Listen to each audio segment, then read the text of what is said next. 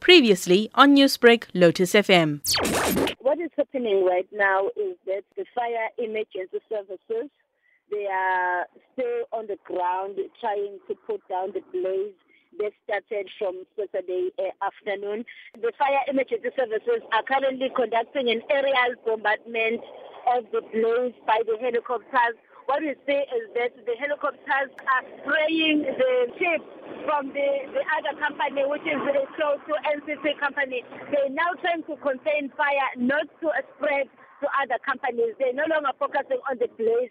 They started on afternoon. They've given up on that one. But what they're doing is they're spraying water as well as chemicals on them on the other chip that is on the TWK company, which is doing same work like NCC. And they are also trying to prevent water from going to TWK because that would mean that fire will now spread to other companies like Foscom.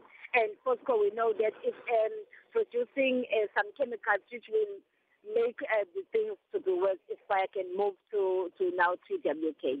Fanele, as you are describing the work that is being done to prevent this fire from moving on, what can you tell us in terms of the destruction that this fire has caused already? This fire has now gutted the whole company, the NCT Forestry Company. That one is now down on fire. Even their general manager, Mr. Penny, and Nelson says that they've lost everything. There's nothing that is salvage on.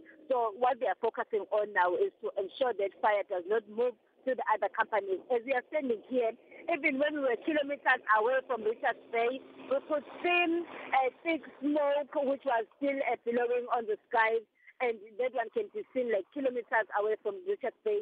As you get closer, you can see that uh, you, you, now cannot see the blue skies are over this company, the NCT, as well as Fosco and TWK. How is that impacting the residents in the area? The community members, um, according to the municipality, Umkatuzi municipality, they say this does not have any impact right now to the community members. The only thing that has happened is that the road John Ross Highway, which goes from um, Mpangeni, then it goes through, it goes to Richards Bay, driving towards uh, Merency. That road has now been, has since been closed in the vicinity of this NCC company. This is the impact that it has but what we've heard is that there are no serious injuries that have been reported and there are no people that have died. And also on the property, there's no impact that it has had on the property. Besides that, if you are standing around inside the company premises, the small coal that is flying on the air, when it touches the skin, then it burns it, but it doesn't have that much impact. Do we know as yet, Fanele, what was the cause of the fire?